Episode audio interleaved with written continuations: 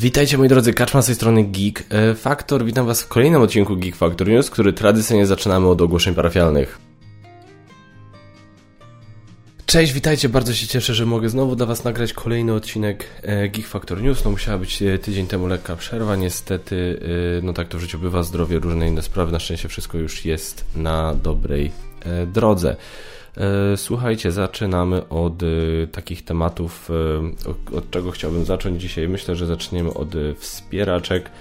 Na wspieraczkach znalazłem dwa takie, takie dwie takie bardzo konkretne kampanie, które obecnie się toczą na Wspieram to, które uważam, że warte są zainteresowania. Po, po, po, pierwsze, po pierwsze kampania Kubitos, czy Kubitos, powinno się to pewnie tak czytać, ryzykowny wyścig. Jest to gra, która będzie wydana przez Dyson Bones. Wydawnictwo Dyson Bones zapowiedziała, że ta kampania nie, jest, nie ma na celu ufundowania w ogóle wydania tej gry, bo gra na pewno będzie wydana. Kampania ma po prostu na, cele, na celu dodanie paru ciekawych elementów do, do pudełka. I tutaj widzę bardzo pozytywne już oceny są na BGG, widzę pozytywną opinię Gambita. Słuchajcie, Gambit dał 8,5 na 10, no. O czymś to chyba kurna świadczy. Na Wspieram to link oczywiście w opisie Kubitos od wydawnictwa Dyson Bones. Również na Wspieram to toczy się w tej chwili Dice Throne Season 2, Dice Throne drugi sezon mają uzbierane w tym momencie 350% celu. Z potrzebnych 60 tysięcy uzbierali 210 246 zł. Warto wspomnieć przy tej kampanii, zobaczyć czy przy Kubitos jest też tutaj taka informacja, ale chyba jej wcześniej nie widziałem.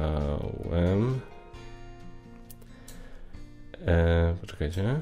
A może coś tutaj tylko przegapiłem, kurde. Muszę się zainteresować tą kobietą, bo to naprawdę nieźle wygląda. Dice From sezon drugi, natomiast słuchajcie, to wydają Lucky Duck Games y, w Polsce, jak z, tak samo jak poprzedni sezon. Dice From jest, jedno, Dice From jest jedną z moich ulubionych obecnie gier dwuosobowych Fantastyczna gra, uważam bardzo ciekawa, bardzo prosta, ale bardzo taka dynamiczna, dwuosobowa. Znaczy, ona ma, jest, ma wariant na więcej osób, ale jednak uważam, że na dwie osoby sprawdza się najlepiej jako taka dwuosobowa po prostu naparzanka. Przy tej kampanii Dice sezon drugi warto zwrócić uwagę, że 10% kwoty zebranej podczas kampanii rozdzielimy proporcjonalnie i przekażemy poniższym organizacjom. Ukraiński Dom w Warszawie, Fundacja Ocalenie, Fundacja Human DOC. DOC. E, czyli chodzi o to, że to, e, środki zebrane z tej kampanii będą przekazane na pomoc potrzebującym e, na Ukrainie lub z Ukrainy. No jest to moim zdaniem bardzo szczytny cel. Uważam, ogólnie chciałem też tutaj przejść w tym momencie może trochę do takiego szerszego tematu, jakim jest właśnie to, co się dzieje u nas na, na, za wschodnią granicą. Nie, nie chcę o tym mówić za dużo, bo też, tak jak pisałem swego czasu na Facebooku i na Instagramie, nie uważam siebie za na tyle, za, za eksperta, nie, nie wydaje mi się, żebym miał wiedzę na tyle dużą i na tyle szeroką w tym temacie, żeby móc się tutaj jakoś ciekawie wypowiedzieć, zaoferować coś, czego już pewnie nie słyszeliście, czego nie słyszeliście gdziekolwiek indziej. E, natomiast w paru słowach chciałem się oczywiście odnieść do tego, co się dzieje. Też trochę właśnie uderzyć to od tej, z tej takiej nasz, z tej naszej perspektywy. Na przykład na, na GameFound teraz, tak? E, Awaken Realms, który jest właścicielem przecież GameFound E, założycielem, e, również wydał oświadczenie, że wspiera, solidaryzuje się z Ukrainą i na przykład w tej chwili wydali grę, wydają, e, robią kampanię, gdzie cały dochód ze sprzedaży będzie przekazany właśnie na pomoc Ukrainie. Oni chyba dają to, już wam mówię, jakim organizacjom. Gdzie to jest? Fundacja Rakiety.pl i Czerwony Krzyż. I to oni sprzedają po prostu w ten sposób to, co jeszcze im zostało z gry This War of Mine, yy, grę planszową. Bez stretch goali niestety, ponieważ stretch goali już nie mają na, na stanie, natomiast podstawową grę mają i będą ją właśnie wyprzedawać teraz i cały dochód z tej sprzedaży będzie przekazany właśnie na pomoc y, Ukrainie. Każde wydawnictwo, słuchajcie, się w mniejszym lub większym stopniu zaangażowało, mniej lub bardziej publicznie i osobiście jestem, jestem ja bardzo tym podbudowany, bo uważam, że naprawdę się udało jakoś tak. Nie mogę powiedzieć, że zupełnie ponad podziałami, bo wiadomo, zawsze się znajdzie ktoś, zawsze się znajdzie coś i jakieś dziwne komentarze się zaczną pojawiać. To nie tylko od y, ruskich troli, tylko po prostu od ludzi o takich, a innych poglądach się czasami pojawiają po prostu przekorne komentarze, żeby byleby tylko pogadać, byleby tylko pokazać, wiecie, no, nieważne co, no ale więc nie mogę powiedzieć, że zupełnie ponad podziałami, ale podoba mi się, że jakoś się tak z, środowisko zebrało i, i, i solidaryzuje się i stara się zrobić ile może. E, po mojej stronie ja zorganizowałem czat na żywo, gdzie cały dochód przeszedł z super czata. E, nie został jeszcze przekazany, będzie przekazany, bo niestety te pieniądze są zawieszone w Google'ach, bo Google ma, mają swoje takie transze, w których wysyłają pieniądze, więc ja niestety czekam na to, aż te pieniądze przyjdą. Jak tylko przyjdą, to oczywiście to przekażę i to zobaczycie. E, mało tego, mam zamiar znaleźć jakieś tutaj swoje rzeczy w kolekcji, które wystawimy na drużynie Wiewióry e, na Facebooku albo na grupie Gramy dla Ukrainy. Tutaj jeszcze nie zdecydowałem, to będziemy pewnie z Basią przez weekend sobie ogarniać, żeby móc to zrobić. E, plus od widza, widzki dostałem też jakieś pudełka, które moim zdaniem można by, które, które właśnie po to, żeby je przekazać między innymi na licytacje charytatywne. E, Game widziałem robi zbiórki. E, jest naprawdę duże poruszenie takie w temacie i to mi się podoba. Naprawdę się na to do przyjemnie patrzę, że wśród tego koszmaru, który tam się dzieje, niektóre zdjęcia, które ja widziałem stamtąd, to po prostu no, no, no nie muszę mówić, za, za, za, za to, to, to, troszkę po prostu sprawiały, że no, cały czas ze mną siedzą. Tak naprawdę niektóre zdjęcia, które widziałem z Mariupola, tak dobrze mówię? E, możliwe, że źle wymawiam nazwę tej miejscowości niektóre zdjęcia, które stamtąd widziałem, po prostu cały czas mam przed oczami teraz. Jako ojciec e, małego dziecka, jako ojciec e, większych, nastoletnich dzieci. No tam, no, no wiecie o co chodzi więc ciężko, e, ciężko przejść obok tego obojętnie i podoba mi się, że nie przechodzimy obok tego obojętnie jako środowisko i każdy w mniejszym lub większym stopniu stara się coś zrobić, żeby pomóc. Abstrahując już od tego, co każdy robi e, prywatnie, tak, czyli indywidualnie, na przykład tam branie udziału w jakichś licytacjach, kupowanie jakichś e, produktów, które właśnie, z których dochód idzie tam na pomoc, czy przekazywanie jakichś ubrań, rzeczy potrzebnych. Wiadomo, bardzo my to robimy podejrzewam, że praktycznie każdy, kto może, to to robi, więc jest, jest to w tym całym koszmarze tego jest, jest, jest, to, jest trochę tego takiego piękna e, w ludzkiej reakcji tutaj, którą mamy po naszej stronie i to jest, to jest bardzo budujące. E, I na przykład jest takie wydawnictwo Cosmodrome Games.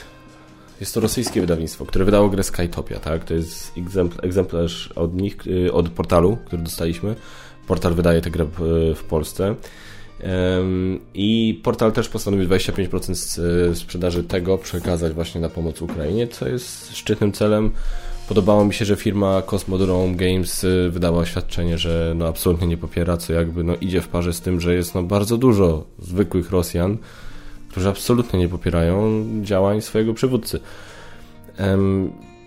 Ja powiem szczerze, jest, jest tutaj taka kwestia, że E, widziałem różne takie też ogłoszenia też w naszej branży, że kategorycznie odmawiamy współpracy ze wszelkimi podmiotami, e, które mają siedzibę w Rosji albo które po prostu są bezpośrednio z Rosji.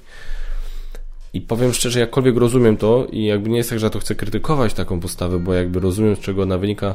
Ja osobiście nie jestem aż, nie mam aż takiego podejścia do takiego tematu. Znaczy, i miałem bardzo, miałem, bardzo dobrą, długą rozmowę z moją mamą na ten temat i rozmawialiśmy właśnie od, różnych perspektyw, tak, on, moja mama pamięta jeszcze bardzo dobrze, jak to wyglądało, prawda, przed upadkiem żelaznej kurtyny i, i, i zresztą tuż po, i, czy moja pamięć z tego tuż po już nawet nie jest taka dobra. Ja wtedy byłem bardzo mały przecież. I jakby i te takie naprawdę ciekawe różne perspektywy mamy na temat, y, y, na temat tej całej sytuacji. Znaczy generalnie wiadomo, jesteśmy tego samego zdania na ten temat y, tutaj w różnych kwestiach, natomiast takie różne spojrzenia mamy i tak fajnie mieliśmy, miałem taką fajną dyskusję i, i, i właśnie ja rozumiem jakby to podejście, że to nie jest tak, że to muszą tam to poczuć, że to co się dzieje to jest coś bardzo złego. Nie może być takiej sytuacji, że zwykły przeciętny szary obywatel w Rosji po prostu stwierdzi, och, no straszne, że coś takiego się dzieje. Ale mnie to nie dotknęło za bardzo, więc ja się aż tak bardzo nie będę przejmował. Ja nie mówię, że, e, że teraz wszyscy Rosjanie mają się po prostu zebrać, po prostu wejść na Kreml, wyciągnąć po prostu Putina na środek placu, nie wiadomo, co wiadomo w sumie, co z nim zrobić, tak? Nie mówię tego, ale pewne presje oddolne, gdyby nabrały, gdyby było odpowiednio duże, to by nabrały odpowiedniej siły. A odpowiednia siła mogłaby wywołać odpowiednie efekty. I ja się zgadzam w związku z tym, z takim podejściem, że nie może być tak, że tam na wschodzie oni tego nie odczują. I nie mówimy tutaj o politykach, o oligarchach, mówimy o zwykłych obywatelach. Oni też muszą poczuć. Poczuć. Nie usłyszeć, dowiedzieć się, zobaczyć. Poczuć. że wydarzyło się coś strasznego, wydarzyło się coś bardzo złego. Ja to absolutnie rozumiem. Boję się tylko czegoś takiego. Ja nie, nie zapomnę, jak pierwszy raz poczytałem, nie pamiętam kiedy było, to dawno temu, jak poczytałem o tym, co się działo w Stanach Zjednoczonych, w Pearl Harbor, nie tylko w Pearl Harbor, po prostu w Stanach Zjednoczonych, kiedy po, e, po ataku na Pearl Harbor i co robiono z e, oso osobami z Japonii, tak, z Japończykami, którzy mieszkali wtedy w Stanach Zjednoczonych. Mieszkali, żyli, zakładali rodziny, byli po prostu, nawet nie wiem, czy, czy, nie obywatelami, nie wiem tego, tak już tak aż nie będę się tutaj, ten to pewnie na przykład Magot jakby tego słuchał, mógłby więcej powiedzieć. No ale no można sobie poczytać na temat tego, co się wtedy działo, o tych obozach, o tym, jak oni byli traktowani, no to jest dramat. Gdzie oni też przecież wtedy, dla nich Ameryka była domem. Oni nie byli antyameryka, oni nie byli, nie, nie popierali e, tego, co Japonia zrobiła w Pearl Harbor, absolutnie tego nie popierali, no ale odczuli konsekwencje bo byli stamtąd. Prawda?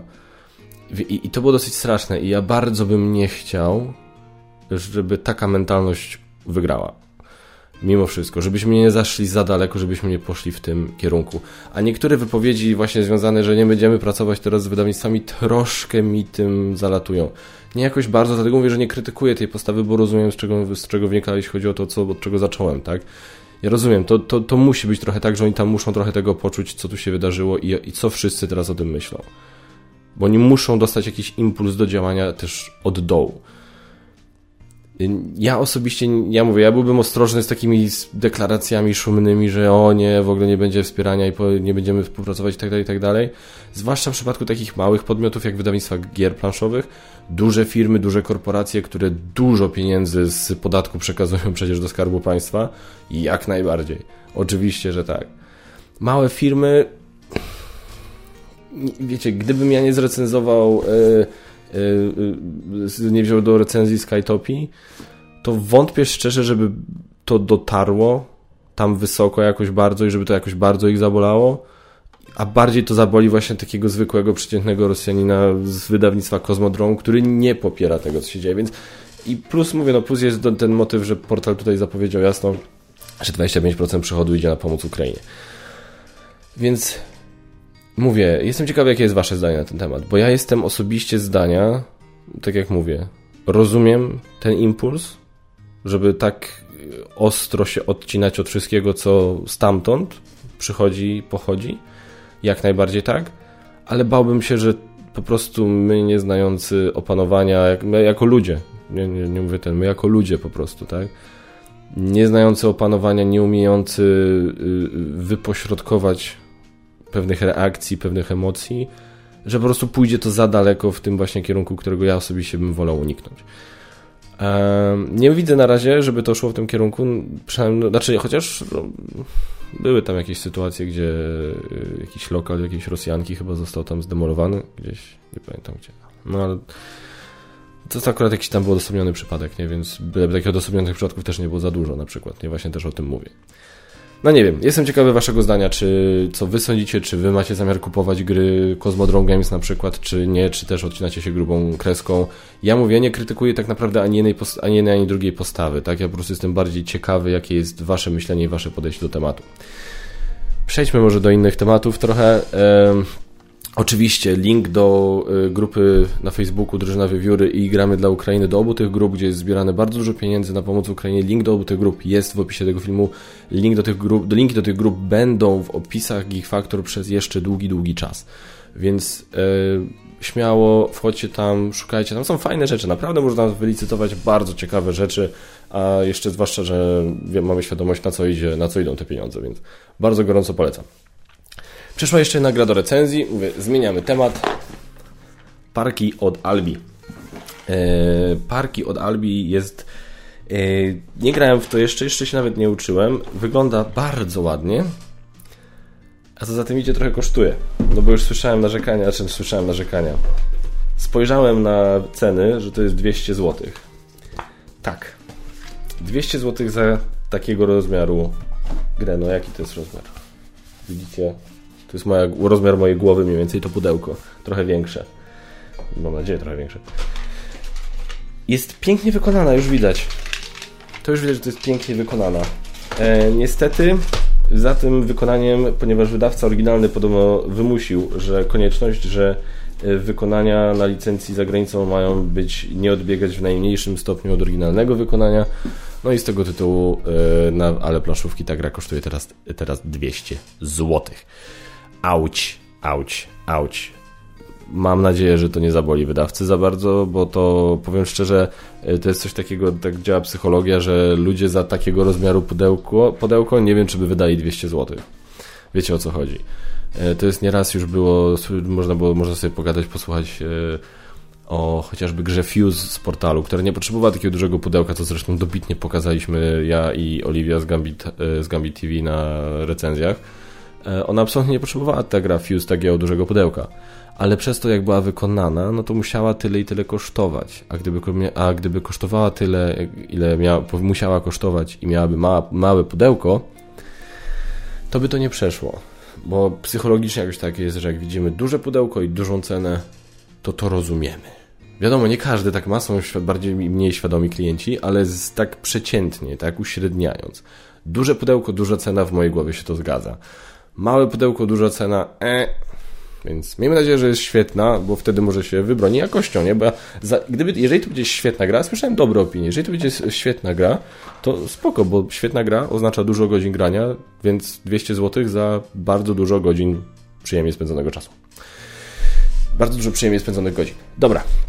E, to by było na tyle, jeśli chodzi o kampanię.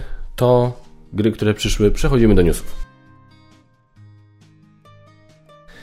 Newsy, moi drodzy, co tam się ciekawego dzieje w świecie filmów i telewizji? E, słuchajcie, więc trailer, który ja po prostu uwielbiam, ja się nie mogę doczekać tego filmu i aż żałuję, że tego filmu nie dałem na, e, na swojej top 10 oczekiwanych filmów.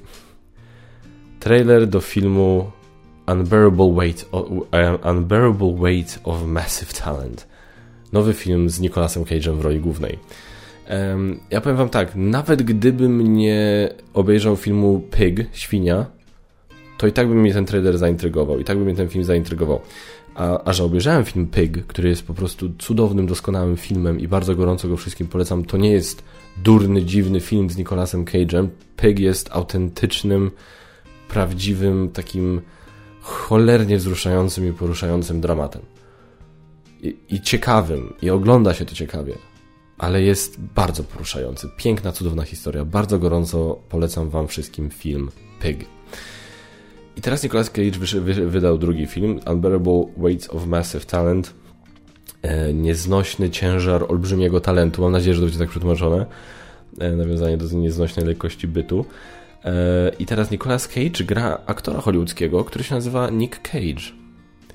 I jest on wynajęty przez y, bogatego człowieka, którego gra Pedro Pascal z kolei, znany prawda z, chociażby z Mandaloriana ostatnio, e, żeby spędził u niego weekend czy tam jakiś czasu na jego wyspie. W międzyczasie się okazuje, że ten bogaty pan jest y, baronem narkotykowym czy kimś takim. No i generalnie zaczynają się dziać różne ciekawe rzeczy. W trailer wygląda tak absurdalnie i tak głupio, że oby to tylko nie było to, to, to, może być cringy w taki zły sposób i wtedy to lipa, ale to może być też po prostu film totalnie z dystansem, totalnie puszczający oko do widowni w dobry sposób i przede wszystkim cholernie zabawny. Jeżeli on będzie cholernie zabawny, to ja się naprawdę będę bardzo, bardzo cieszył. To jest Nicolas Cage jako Nick Cage w Unbearable Weight, weight, weight of Waste. Chcę czytać Unbearable Waste. Nieznośne zmarnowanie wielkiego y, o, talentu. Um, co prawie powiedziałem. Um, i, i, I co jeszcze chciałem y, tutaj powiedzieć? Ciekawostka przyrodnicza. Widziałem wywiad z Nicolasem Cage'em, w którym on powiedział, że on tego filmu nie będzie oglądał. On powiedział, że on tego filmu nie może oglądać, bo on tam zagrał kogoś, on zagrał tam wersję siebie, którą on uważa, która on uważa, że jest bardzo daleka od tego, jaki on jest naprawdę. Do tego stopnia, że on nie chce w ogóle do tego filmu wracać. Ale jest bardzo dumny w sensie, że podoba mu się, że super film, ale nie będzie wracał. Polecam, słuchajcie, link do traileru w opisie. Ja nie wiem, czy wiecie, bo ja na przykład trochę o tym zapomniałem. E, podczas pandemii zaczęli i przerywali, i zaczynali, i przerywali, i zaczynali kręcić, i skończyli właśnie kręcić Indiana Jones 5. Dokładnie tak. Będzie Indiana Jones 5.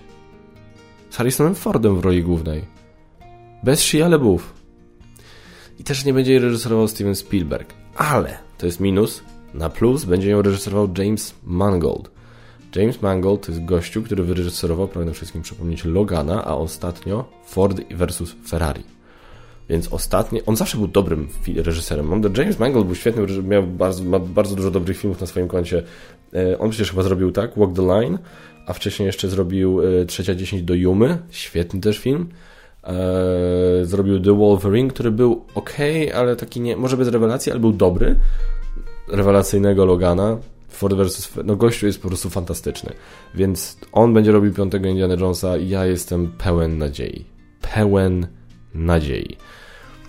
Więc yy, jest bardzo dobra obsada. Mówię, nie ma Shia LeBouf, to już jest bardzo dobry znak. Jest, Indiana, jest Harrison Ford, no i to będzie ostatni film Harrisona Forda jako Indiana Jones. Ja się nie mogę doczekać. Mangold zapowiedział też, że no my musimy być cierpliwi, cierpliwi, jeśli chodzi o to, kiedy coś zobaczymy, jakiś trailer, jakieś zdjęcia, bo po prostu no, dużo pracy ich czeka i dopiero to skończyli kręcić tak naprawdę.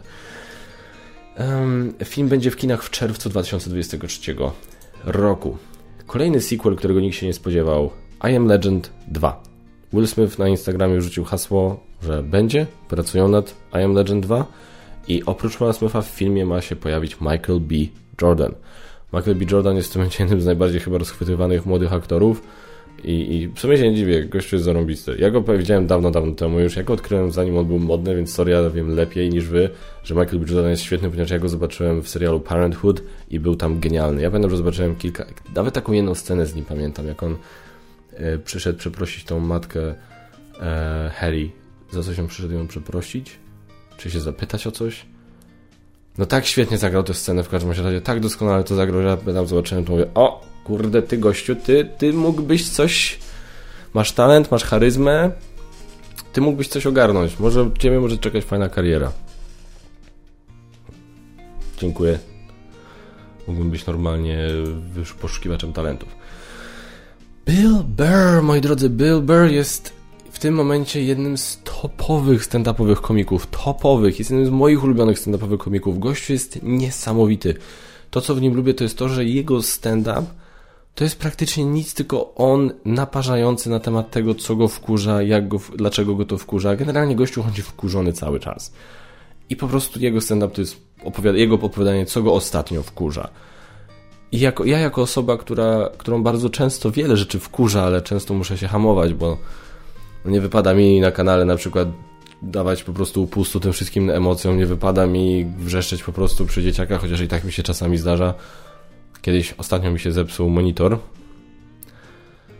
i to tak w środku dnia, kiedy go bardzo potrzebowałem i Malwina mam nadzieję, że nie wybrała tego dnia, żeby rejestrować mowę i zacząć się uczyć mówić tak porządnie, bo tego dnia się nauczyła bardzo wielu ciekawych zwrotów nawet nie słów, ale zwrotów.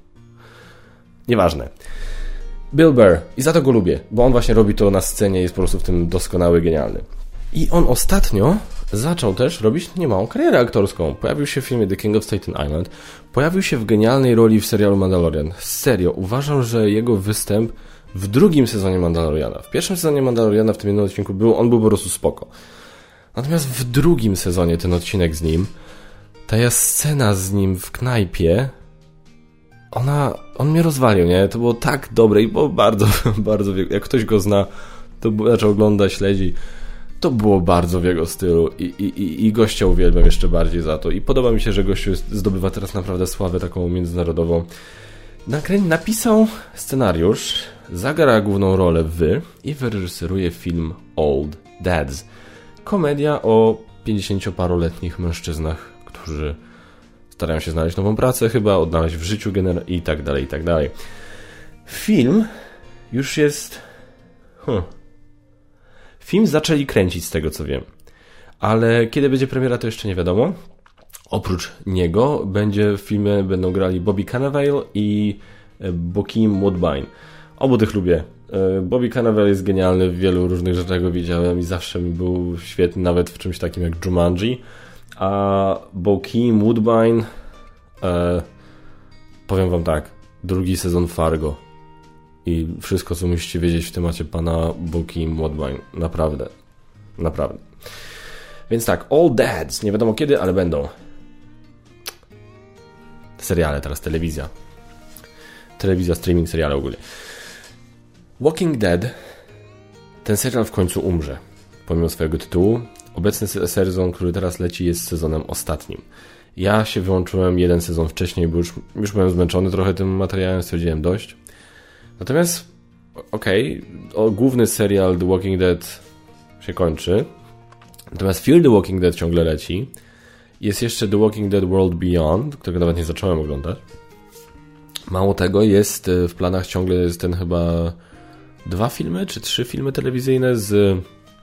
Przepraszam, trochę wam gwiżdżę do mikrofonu, postaram się na tym zapanować. E, z Andrew Lincolnem jako Rickiem Grimesem w roli głównej.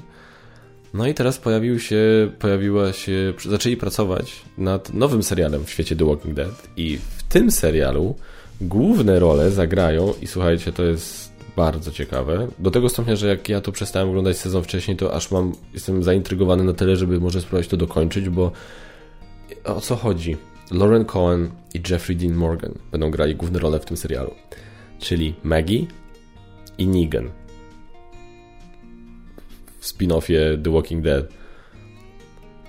To jest dziwne, nie wiem czemu to nie może być, to, to jest po prostu, są na tyle duże postacie z The Walking Dead, przynajmniej z czasów, kiedy ja to oglądałem, że to po prostu może być dalej The Walking Dead. No wybijcie całą resztę obsady i zostawcie ich i po prostu macie dalej The Walking Dead. No nieważne. The Walking Dead w rolach głównych Negan i Maggie. I biorąc pod uwagę, jaka ich relacja była w momencie, w którym ja kończyłem ten serial oglądać, ja serio muszę wrócić i zobaczyć, co tam się dzieje teraz. Bo to mnie naprawdę zaintrygowało. Quantum Leap. Zagubiony w czasie. Powraca. Bo teraz wszystko powraca. Bo teraz już nie ma pomysłów. Teraz są tylko wspomnienia i ściąganie spółek tego, co było kiedyś. Podpisano Hollywood 2022. Tak to teraz działa, słuchajcie. Powraca e, Zagubiony w czasie, wtedy grał Scott Bakula i e, jest jak ten... Jest, jak on grał, jak on grał, jak on grał... Dean Stockwell.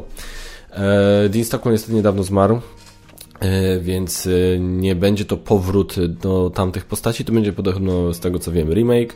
Główną rolę ma w tej chwili grać e, Raymond Lee, a oprócz niego do serialu dołączył też Ernie Hudson, więc no obsada jest taka nie najgorsza. Yy, zagubione w czasie, powiem tak, jak będę miał czas, to może sprawdzę jeden odcinek, ale nie wiem, ja lubiłem ten serial. Ja pamiętam, że ja go bardzo lubiłem oglądać. To, nie było, to był jeden z tych seriali, którego ja nie oglądałem e, zbyt, zbyt często, ale jak leciał, znaczy w sensie nie oglądałem, wiecie, nie śledziłem, nie? Natomiast jak leciał, zobaczyłem, że leci, każdy odcinek obejrzałem od początku do końca. No więc jestem, jestem troszkę zaintrygowany. Zobaczę, to zbierze recenzję. Zobaczę. Eee, dobrze, tu, tu, tu. I ostatnia rzecz. Znowu zagwizdałem. Pojawił się trailer do serialu Obi-Wan Kenobi. I powiem wam tak. Muzyka w trailerze jest genialnie dobrana. Przypomniało mi się, jak go oglądałem, że John Williams przecież komponuje muzykę do serialu. Dla moich patronów na grupie facebookowej nawet nagrałem swoją reakcję na ten trailer, bo trailer zadebiutował akurat jak miałem rozstawiony sprzęt i nagrywałem wideo instrukcję do gry Origins, więc tak stwierdziłem, że a dobra, to nagram reakcję. Nie pokazali za dużo, to jest pierwszy trailer, więc mają prawo, pewnie kolejnym, w kolejnym trailerze pokażą nieco więcej. Nie pokazali jeszcze Haydena Christensena, pokazali postać, która jak dla mnie wyglądała trochę jak Hayden, myślałem, że to może być Hayden Christensen, ale właśnie jeden z moich patronów, Jacek, bardzo serdecznie Cię pozdrawiam, e, uzmysłowił mi, że to nie jest e, Hayden, że to jest inna postać ze świata, z świata Gwiezdnych Wojen, z któregoś z tych seriali animowanych. I teraz właśnie się robiło, zrobiło ciekawie, bo okej, okay, Obi-Wan Kenobi serial wygląda na razie ciekawie, w samym trailerze jest bardzo mało Obi-Wana, uważam. No, to, co jest, to, co z Obi-Wana, to Obi-Wana, którego widzimy w trailerze, to jest Obi-Wan, który się e, gdzieś tam czai, przez, wiecie, tutaj po prostu się gdzieś stoi z boku, obserwuje, chowa i tak dalej, i tak dalej. Więc mam nadzieję, że w samym serialu będzie robił ciekawsze rzeczy. Podejrzewam, że tak. E, natomiast właśnie pojawienie się tej postaci i tych moich wątpliwości i tego, że musiałem się doedukować, to zaczynamy wchodzić, widzę, w taki, zaczynam wchodzić w coś takiego, że Jakiś czas temu gadałem z Magotem na temat Marvela I, i mówiłem, że to, co mi się już przestaje pomału podobać w Marvelu, to jest to, że oni wręcz w pewnym sensie oczekują, wymagają od nas, że my nie będziemy tylko chodzić do kina, że my będziemy oglądać też te wszystkie seriale, bo yy, jak ktoś oglądał trailer do Doctor Strange in the Multiverse of Madness, no to sorry, no, no ja roz... to, to, nie jest tak, że ktoś, kto nie oglądał serialu WandaVision nie będzie wiedział o co chodzi, będzie jakiś cały zagubiony w ogóle, ale czemu to, to po co, to po co? Ja podejrzewam, że oni na tyle exposition tam dadzą, żeby ludzie, którzy właśnie nie oglądali się połapali w tym, co się dzieje. Ale jeżeli ktoś tak ma tak jak ja i na przykład lubi się angażować trochę, tak, lubi kibicować i wybierać się w podróż z tymi bohaterami, to w tym momencie, jeżeli ktoś nie widział WandaVision, to podejrzewam, że cała część y, Multiverse of Madness, która będzie poświęcona Wandzie, a Wandzie, a z tego co widzimy będzie tego sporo, no będzie uboższa, tak? Nie, nie, nie docenimy tego tak, w, tak dobrze, jak docenią to ci, którzy widzieli wszystkie odcinki serialu WandaVision. A polecam, WandaVision jest pięknym serialem. Naprawdę jest bardzo dobrym serialem i bardzo mi się spodobał i, i Elizabeth Olsen oficjalnie się stała jedną z moich ulubionych postaci w Marvelu teraz a wśród kobiet numer jeden. I, I, uważam, że to jest takie sobie.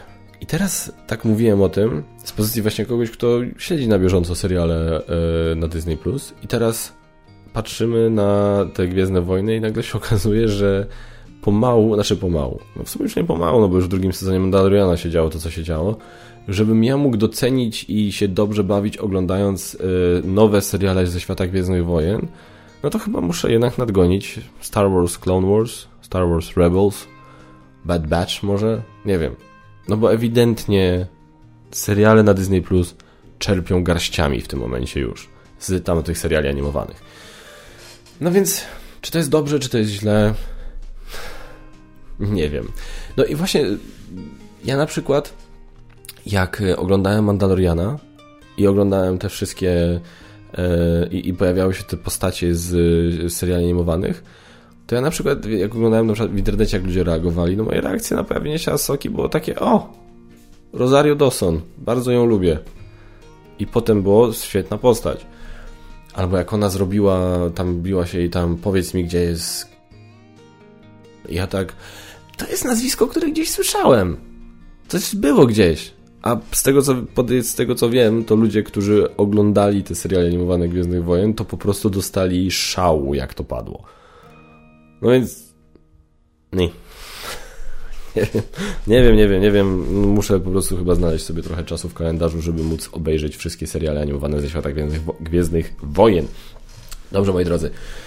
E, to tyle, jeśli chodzi o newsy. Przechodzimy do Q&A. Q&A, moi drodzy, czyli miejsce, gdzie my możemy sobie porozmawiać. Wy zadajecie pytania w komentarzach, a ja na nie odpowiadam w kolejnym odcinku. I nie zawiedliście, jest troszkę pytań, więc postaram się Wam y, się streścić, żeby było jak najszybciej. Um, y, uwaga, lecimy, sortuj według od najnowszych. I hej, świetnie się słucha, dzięki dude. I od Dude są pytania. Wiem, że kiedyś chciałeś zostać aktorem i brałeś udział w kilku filmach. Chęć do tego się zmniejszyła? Czy wystąpiły jakieś inne czynności, które sprawiły, że już się tym nie zajmujesz? Może na szybko przedstawisz historię, jak to z tobą było. To trudna historia do przedstawienia ją na szybko. Eee, wyglądało to tak, że od dawna marzyłem o aktorstwie. Od dawna. Gdzieś na studiach dowiedziałem się o istnieniu szkoły Warszawska Szkoła Filmowa, e, która była prywatną szkołą i taką no dosyć, dosyć drogą szkołą. Ale wyglądała obiecująco, wyglądała fajnie i myślałem, że może tam się spróbuję dostać. Że może zostawię prawo i pójdę tam. Mój ojciec, y, pamiętam, kiedyś do mnie przyszedł podczas jakiejś tam rozmowy na temat tego, jak ja to bardzo nie lubię y, moich studiów.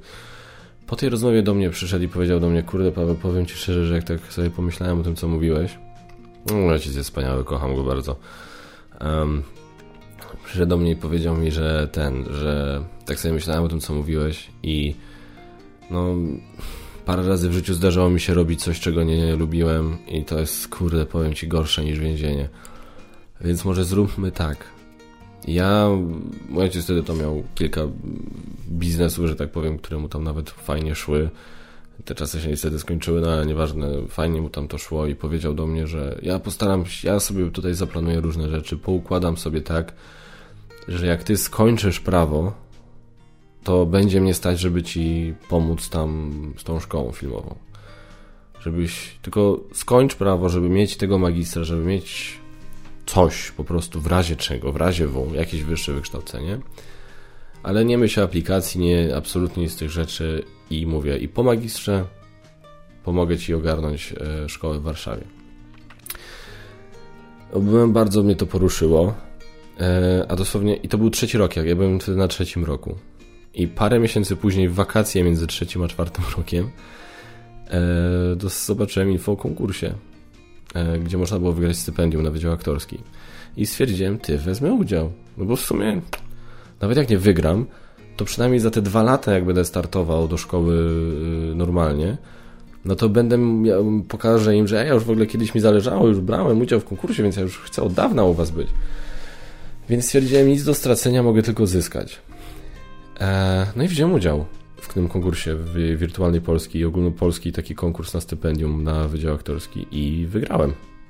E, I to było dosyć szokujące, bo oprócz mnie w finale była e, swoją drogą świetna studentka później, bo później też, też dołączyła Kasia Prywiezenciew, córka znanego aktora, nie pamiętam jak on miał na imię, ale nazwisko trudne do zapomnienia. I ona e, i, i, i, ona była świetna. I ona świetnie tam w tych filmikach występowała konkursowych. I ja pamiętam, że na finale ja zobaczyłem, e, ja widziałem, mówię, kurde, nie, no ja nie mam szans. Zresztą ona jest no, córką kogoś z branży. Ja mówię, nie, zapomnij. Każdy z nas się tam zaprezentował z tej trójki finałowej. Po czym e, e, Ślesicki, macie, bo to jest szkoła Macieja Ślesickiego i Bogusława Lindy E, Maciej Ślesicki wyszedł z salki i zaczął tam, zaprosił jedną osobę, zaprosił tą Kasię do siebie, zaprosił tam tego jednego ziomka, który jeszcze był, po czym wyszedł i powiedział do mnie, chodź tu. I wziął mnie na stronę i mówi, słuchaj, e, no my ci tę nagrodę damy. Tylko tam coś i tam zaczął, w ogóle nie, nie, nie, nie pamiętam dokładnie co ty mówił, bo trochę taki tak, wait, co? Że ja wygrałem?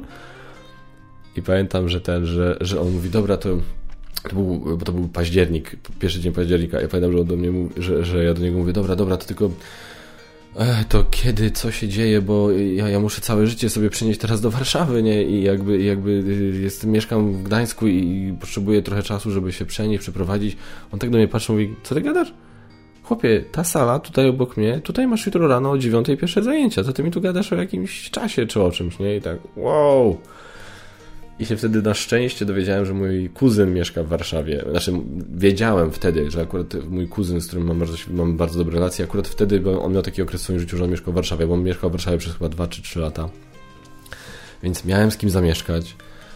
I po prostu no, była jazda no, całego, nie? I stwierdziliśmy, no dobra, no to skoro wygrałem, to wygrałem, to w e, prawo przerwałem. No i poszedłem do szkoły filmowej. Dwa lata szkoły filmowej. Dużo się nauczyłem, dużo ciekawych doświadczeń. E, niestety sam sobie krzywdę zrobiłem, bo było dużo rzeczy, które mogłem zrobić lepiej, które mogłem zrobić, żeby sobie wspomóc, których nie robiłem.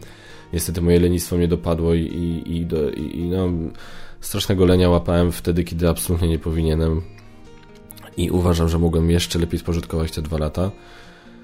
Potem wróciłem do Gdańska, żeby dokończyć te studia prawnicze, żeby do, wywiązać się z tej obietnicy, którą dałem wcześniej tacie.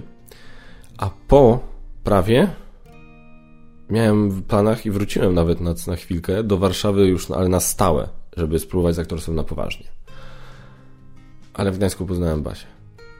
Jak wróciłem po Warszawce, jak byłem na, jak wróciłem, jak kończyłem studia, poznałem Basię i, e, i poznałem Basię, była Zosia i okej. Okay. Jak miałem znowu wracać do Warszawy, to Zosia była, miała trzylatka latka i stwierdziłem w sumie to tam dobra, ba, weźmie Basia, weźmie Zosię pod pachę, przeprowadzą się do Warszawy. Taki był, to był w ogóle Basi, Basi plan. Yy, Basia tam znajdzie jakąś fajną pracę i, i, i wtedy byliśmy młodzi bardzo i to była taki zupełnie ciekawa opcja, nie, żeby się po prostu przenieść do Warszawy. No ale wtedy się dowiedzieliśmy, że będziemy mieli Leona. E, I w tym momencie ja stwierdziłem, nie, sorry, e, nie chcę małego dziecka bez żadnego wsparcia, bez rodziny w Warszawie, nie chcę tam sam wychowywać, bo to jest po prostu, to będzie dramat. I, i to będzie bardzo, bardzo ciężkie. I, i, i zwłaszcza dla Basi, która, no, ja będę tam pewnie szukał roboty i tak dalej, a Basia będzie uwiązana z, w ciąży, z, potem z małym dzieckiem i jeszcze w tym czasie z małą Zoś, więc nie ma na to opcji.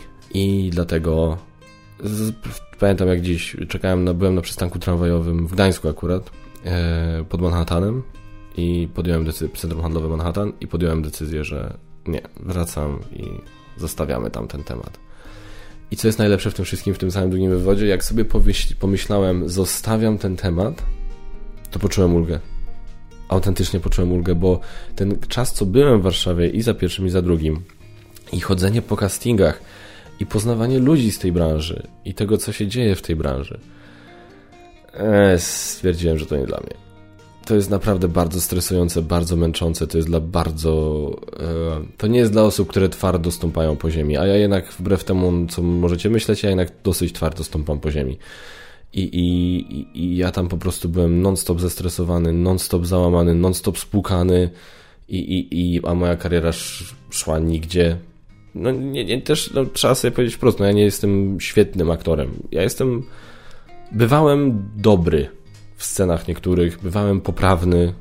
Parę miałem takich scen na zajęciach, że było, że naprawdę zbierałem oklaski, bo naprawdę świetnie zagrałem jakąś scenę, ale na przykład nie tak, że cały czas ją grałem świetnie, tylko na przykład miałem kilka dni, gdzie daną scenę zagrałem świetnie, ale potem zaraz potem zagrałem już ją takie e. I, i, więc ja nie byłem rewelacyjnym aktorem nigdy. Więc no, no, no też nie wygrywałem castingów, nie byłem łapany do różnych rzeczy i, i, i tak dalej. Pomimo tego, że poznałem sporo osób różnych z branży, które mogły mi trochę pomóc. No ale niestety, więc taka to moja smutna historia tego, jak to marzyłem o byciu aktorem, ale aktorem nie zostałem. Dobra, to była długa, długa odpowiedź na pytanie, ile w ogóle to już my gadamy tak całościowo. 45 minut, więc teraz przez inne pytania przepraszam, przepraszam Was najmocniej muszę e, lecieć dosyć szybciej. Ale tak, no, tak to mniej więcej wygląda. Marzę mi się, żeby jeszcze kiedyś coś zagrać. Mało, mało tego, mam takie małe marzenie, żeby nagrać kiedyś serial na Geek Factor i go wypuścić jako po prostu na, na kanale. Ale to jeszcze może kiedyś. Drugie pytanie. Kiedy i w jaki sposób poznałeś Ignacego Szewiczka? Napisać do niego maila, że prowadzisz taki kanał i czy by chciał udzielić wywiadu? Jak to było? Rozumiem, że w podobny sposób do, działo się to z różnymi wydawnictwami. Czy to one się do Ciebie odzywały pierwsze, a może to bywało różnie? Najpierw ja atakowałem każde możliwe wydawnictwo i przez to poznałem praktycznie wszystkie. E, w tym atakowałem portal i na maila, pamiętam, którego wysłałem na portal mopa portalgames.pl odpisał Ignacy. I on powiedział, że jak dla niego spoko, no ale to musi przekazać innym osobom decyzyjnym, nie? I tak, wow, kurde, nie, fajnie, pogadaliśmy, pogadaliśmy, pogadaliśmy, ale tam chwilę mailowo.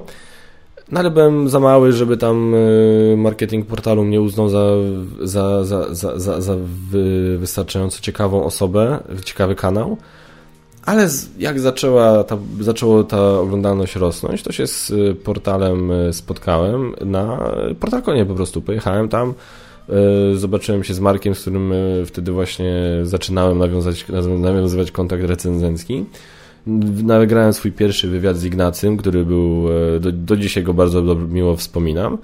No i potem już jakoś ta znajomość szła i, i z innymi wydawnictwami to wyglądało w ten sam sposób. I mniej więcej po Portalkonie ta popularność kanału zaczęła na tyle rosnąć, że niedługo, jakiś tam rok po to już raczej wyda wydawnictwa zaczęły się zwracać, zgłaszać też do nas. Nie? Czyli nie tylko tak, że my wychodziliśmy do, z prośbą do wydawnictw, ale też wydawnictwa, zwłaszcza te mniejsze, początkujące, e, też przychodziły do Geek Factor. E, jaka jest gra gry, nie licząc Chińczyka, do których nikt cię za żadne skarby nie namówi, bo granie w to to dla ciebie istna męka? E, StarCraft. Nie, zagrałem raz, doceniam, szanuję. Dziękuję, do widzenia. E, dzięki bardzo Dude za, za pytania. Mówię, teraz będę trochę leciał szybciej, nie, bo mi zależy na czacie. Od 511987A Geek Factor, atak od czapy pytanie. Czekasz na Deadpoola do Unmatched? Ja czekam na wszystko do Unmatched. Ja wezmę wszystko do Unmatched, więc proszę mi nawet takich durnych pytań nie zadawać. Żartuję oczywiście z tym durnych, bardzo dobre pytanie. E, bardzo, ja czekam naprawdę, a to akurat było serio. Ja czekam na wszystko, co tylko do Unmatched się pojawi. Eee... Tomasz e, Pazdek, Q&A. Jaki film, serial czy książka chciałbyś, aby wyszła jako gra planszowa i na odwrót? E, e, bardzo chciałem, pamiętam, miałem kiedyś taki pomysł, żeby zrobić grę i to, było, to, było, to był sam początek mojej przygody z grami planszowymi i ja wtedy odkryłem Robinsona i zakochałem się w Robinsonie i chciałem, żeby zrobiono serial, żeby serial Lost, który jest moim ukochanym serialem wszechczasów, żeby go przenieść na, planszę. I właśnie myśląc o, o Robinsonie, myślałem, że gra Lost również powinna mieć, być, być oparta o jakiś tam scenariusz, no zresztą no, łatwe nawiązanie Wyspa i Wyspa. I e, mało tego, ponieważ w serialu Lost jest taka postać Ben Linus, świetna postać, świetny czarny charakter. I ten, ten gościu był tak dwulicowy, że mu, on był 15-licowy, mu naprawdę ciężko było zaufać kiedykolwiek. I teraz ta postać uważam, że jest, e, e, jest, była tak fajna, że właśnie w ramach takiej gry z motywem zdrajcy chciałem, żeby było coś, zrobić, jak coś takiego, miałem taki pomysł, żeby w każdym scenariuszu ktoś musiał być Benem Linusem i teraz osoba, która jest Benem Linusem, ta sobie dobierałaby w tajemnicy kartę i ta karta by mówiła, czy on będzie dobry, czy on będzie zły, czy on, czy on będzie pomagał innym, czy on będzie przeszkadzał innym. I gracze, i on oczywiście nie może tej karty pokazać, i wszyscy gracze przez całą grę, to byłaby gra kooperacyjna, nie wiedzieliby, czy oni mogą mu zaufać, czy oni nie mogą mu zaufać. I to mi się wydawało, że to jest świetny pomysł, jak zaczynają swoją przygodę z grami planszowymi.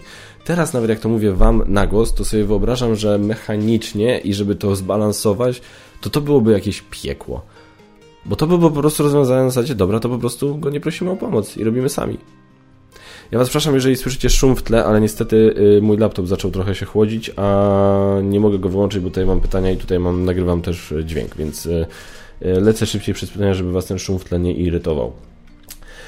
Czy w drugą stronę, coś co by można przenieść? Uważam, że Time Stories to jest świetny pomysł z kolei w drugą stronę, żeby zrobić, żeby z Time Stories zrobić serial na przykład na HBO. To byłby doskonały serial, uważam. Każdy sezon właśnie w innej epoce się by dział. To jest, to jest, to jest moim zdaniem dobry patent. E, Q&A od Artur S. Cześć Kaczmar, w pierwszym podcaście z Szafą rozmawialiście o wpływie youtuberów na marketing gry. Jakie są Twoje odczucia odnośnie jego odpowiedzi? Mnie to zaskoczyło, bo często właśnie recenzje, gameplay, instrukcje są finalnym bodźcem do zakupu odpuszczenia. W ciągu roku to nawet kilka tysięcy złotych per osoba. Myślę, że to nie tylko ja tak mam, więc realnie może się to przekładać na jakiś sensowny zysk dla wydawnictwa. Oczywiście, że to się przekłada, tylko problem jest taki, i to myślę, że bardziej o to też Szafie chodziło, że to nie jest do końca mierzalne, że to nie jesteś w stanie, bo oprócz pod warunkiem, że ktoś, że, żeby ludzie nagle wszyscy gracze zaczęli kupować gry na zasadzie zobaczyłem recenzję, która mi się spodobała, więc kliknąłem w link pod recenzją. To to byłaby jedyna opcja, żeby realnie zmierzyć, jaki recenzent, jaki ma wpływ na to, jak się gra sprzedaje. Więc niestety, a to jest nie do zrobienia, bo kto, nawet ty tak, jak teraz yy, Artur, jak ty oglądasz te recenzje, no to czy jest tak, że nawet po, że kupujesz grę po jednej recenzji, albo nawet, nawet jeżeli obejrzysz kilka recenzji, to na przykład obejrzysz Gambita, mnie, e, Game Trolla, pogramy i, i, i Asię on Table i na przykład, ale to tak naprawdę Game Troll najbardziej ci namówił do tego, ale jeszcze dla świętego spokoju obejrzałeś programy, obejrzałeś on Table. No ale już po Game Trollu tak de facto byłeś zdecydowany, i ta recenzja już jakby tam, yy, yy, że tak powiem, postawiła kropkę nad i dla ciebie i, i podjąłeś decyzję, więc tak de facto no zawdzięczasz yy, yy, najbardziej, co, najbardziej mi i Gambitowi, czy w sumie najbardziej Game Trollowi, który tak już ostatecznie cię, cię przekonał? I czy to, że obejrzałeś, to oznacza, że, yy, ale że byłeś zdecydowany już wcześniej, to czy oznacza, że w ogóle tego nie zawdzięczasz programy i on table? Czy może im też trochę zawdzięczasz? Więc rozumiesz, to jest bardzo trudne do zmierzenia, który recenzent ma w tym momencie jaki wpływ na to i ten. A na przykład powiedzmy Asia z On Table miała u siebie link, gdzie można do Ceneo gdzie można to kupić i ponieważ zobaczyłeś u niej ten link, ale zdecydowany byłeś po obejrzeniu trolla, ale zobaczyłeś u niej ten link, to kliknąłeś u niej.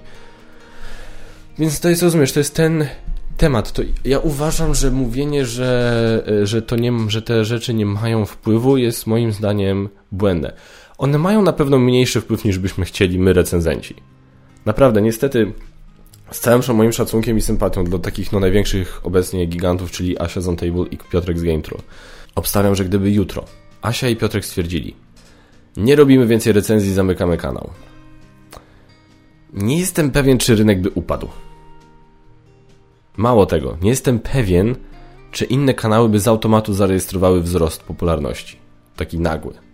Wynikający tym, że ci wszyscy ludzie, którzy ich oglądali, odczuliby jakąś pustkę, którą musieliby wypełnić. Nie jestem co do tego przekonany. To jest takie totalne gdybanie, bo tutaj nie ma żadnych danych, którymi można by się podeprzeć, żeby zdecydować w jedną czy w drugą, ale no nie, nie, tak, na, tak na intuicyjnie nie wydaje mi się, że już nie mówiąc o kanałach typu ja, gdzie no nie jestem małym kanałem wśród kanałów planszówkowych, no ale więc, e, więc tak, uważam absolutnie, że recenzenci ten wpływ mają. nie mają go może tak dużego, jakby, jak, jakby chcieli. Mają większy niż to sugerował Ignacy w swoim filmie, większy niż to sugerował Szafa w swojej wypowiedzi. Jednak jest to wpływ, który jest, mówię, bardzo trudno zmierzyć. Więc to jest, to jest ten. Moim zdaniem to jest główny problem z tym wpływem recenzentów na sprzedaż, że to jest bardzo trudno zmierzyć, bo za dużo jest wśród tych czynników, tak, które wpływają na Twoją decyzję o zakupie, za dużo jest rzeczy, których my nie jesteśmy w stanie zmierzyć i nie jesteśmy w stanie wybadać. I ostatnie pytanie od Ani Jakubowicz. Moje pytania. Czy grałeś kiedyś w tak słabą grę, że nie dokończyliście nawet rozgrywki do końca? Zimowe opowieści. My, mi i Basi się podobało w miarę, ale koleżance i koledze po prostu ta gra tak nie podeszła, oni tak zaczęli marudzić, że obrzydzili nam tę grę. I stwierdziliśmy, wiecie co, odpuśćmy sobie, bo to nie ma sensu.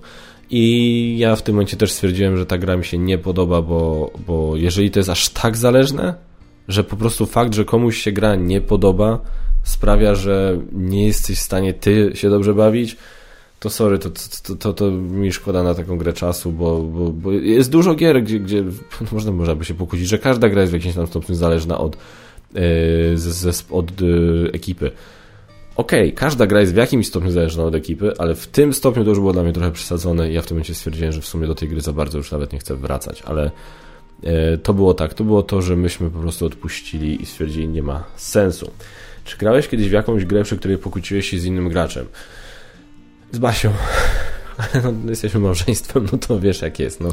E, zdarzało nam się, zdarzało nam się pokłócić i, i przerywać granie, nie powiem, e, ale no to jest takie nic związanego z grą, to bardziej związanego z nami i z życiem i z tym, że jesteśmy osobami, które się bardzo kochają, ale są też bardzo, ale to bardzo, e, bardzo mocno przeżywają wszelkie emocje. I, i, I my jesteśmy, jak to Basia się śmieje, włoską rodziną. Są rodziny, które negatywne emocje. Jezus. Przepraszam. Które negatywne emocje gdzieś tam głęboko zakopują, nie rozmawiają o tym i czekają, aż wszystkim przejdzie. A są, osob- a są rodziny, gdzie ludzie po prostu wydzierają się na siebie, żeby to wszystko z siebie wyrzucić, i po 15 minutach jest spokój i wszyscy się kochają. I to jest ten drugi model, to jesteśmy my. Więc mówię, no tak jak mówiłem wcześniej, tak, że Malwinka, jak monitor mi się zepsuł, to usłyszała i nauczyła się paru ciekawych nowych zwrotów, których nie słyszała wcześniej. E, zdarzało nam się, że żeśmy się kłócili z, Basią i zapominaliśmy o tym, że w pokoju obok jest jakieś dziecko i tak po wszystkim. Dużo z tego słyszałeś? Wszystko prawie. Tak, a, dobra, przepraszam, trzeba było tłumaczyć i rozmawiać, że, że my to po prostu tak, to tylko tak mamy, że to nie jest tak, że my się nie kochamy, to nie jest tak, że my się nie lubimy i tak dalej, tylko że po prostu właśnie u nas to tak działa, że dzięki temu, że my w ten sposób rozmawiamy ze sobą, rozmawiamy, to, to to jakoś idzie do przodu, bo nie ma żadnych e, niedopowiedzeń, nie ma żadnych e, napięć, nie ma żadnych żali. Wszystko po prostu jest wyłożone bardzo, bardzo po włosku, więc no. E, więc tak, ale oprócz Basi nigdy mi się z nikim nie zdarzyło pokłócić. E, jakie są Twoje trzy ulubione mechaniki? Deck building numer jeden absolutny. Numer drugi, nie wiem jak to powiedzieć, nie wiem czy to jest mechanizm jako taki, e, natomiast ciągłe wykonywanie akcji, czyli tak jak mamy w site, jak mamy w najeźdźcach z City czy najeźdźcach z północy, że po prostu od pierwszego gracza jest non-stop wykonywanie akcji, więc nie ma żadnych faz, nie ma podziału na rundy, tylko jest akcja, akcja, akcja, akcja, aż do końca. To jest świetna sprawa, uwielbiam to. To jest takiej dynamiki nadaje, że ja pierdziu. E, I kolejnym mechanizmem, który bym powiedział bardzo lubię. E, no w sumie worker placement. No. Worker placement dlatego, że on jest. E, oczywiście, jakby, on, jakby miała być jakaś gra, która jest czystym worker placementem i niczym więcej nie wiem, czy bym był zachwycony, ale on y, w połączeniu z innymi y, rzeczami bardzo fajnie potrafi działać. To jak działa w Arnaku jest super, jak działa w Dune jest super, więc y, uważam, że, że, że, że, że to jest też taki mechanizm, który bardzo ułatwia wytłumaczenie gry, bo mechanizm pole, gra pole działa tak, że idziesz na pole, robisz co jest przy tym polu i potem po prostu tłumaczysz pole po polu w odpowiedniej kolejności, co się dzieje, więc lubię to. to jest, te, te gry są często takie bardzo logiczne, że to jedno wynika z drugiego, że na tym polu zdobywasz to i to ci pozwoli na tamtym polu zdobyć tamto, więc za to to lubię. Więc no, powiedzmy, że te trzy. Tyle, moi drodzy, wow, dużo tego było. Moja smutna historia o aktorstwie, yy, przynajmniej tam gdzieś wyszła. Yy, ona jeszcze nie jest kompletna, tam mógłbym jeszcze długo o tym aktorstwie opowiadać, nie? Bo, bo, bo tam o ludziach, których poznałem, o etiudach, w których grałem. Yy, niektóre rzeczy, poczekajcie, czy jak teraz wpiszę w YouTube Paweł Kaczmarek demo. Nie, usunąłem swoje demo z YouTube'a ale inaczej jest prywatne, więc można od biedy kiedyś znaleźć. Ale no, a Paweł Kaczmarek, aktor.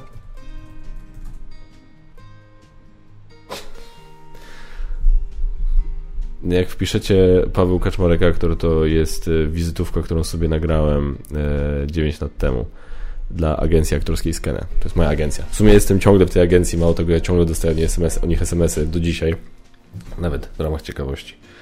Kiedy dostałem ostatni SMS od mojej agencji, że jest casting?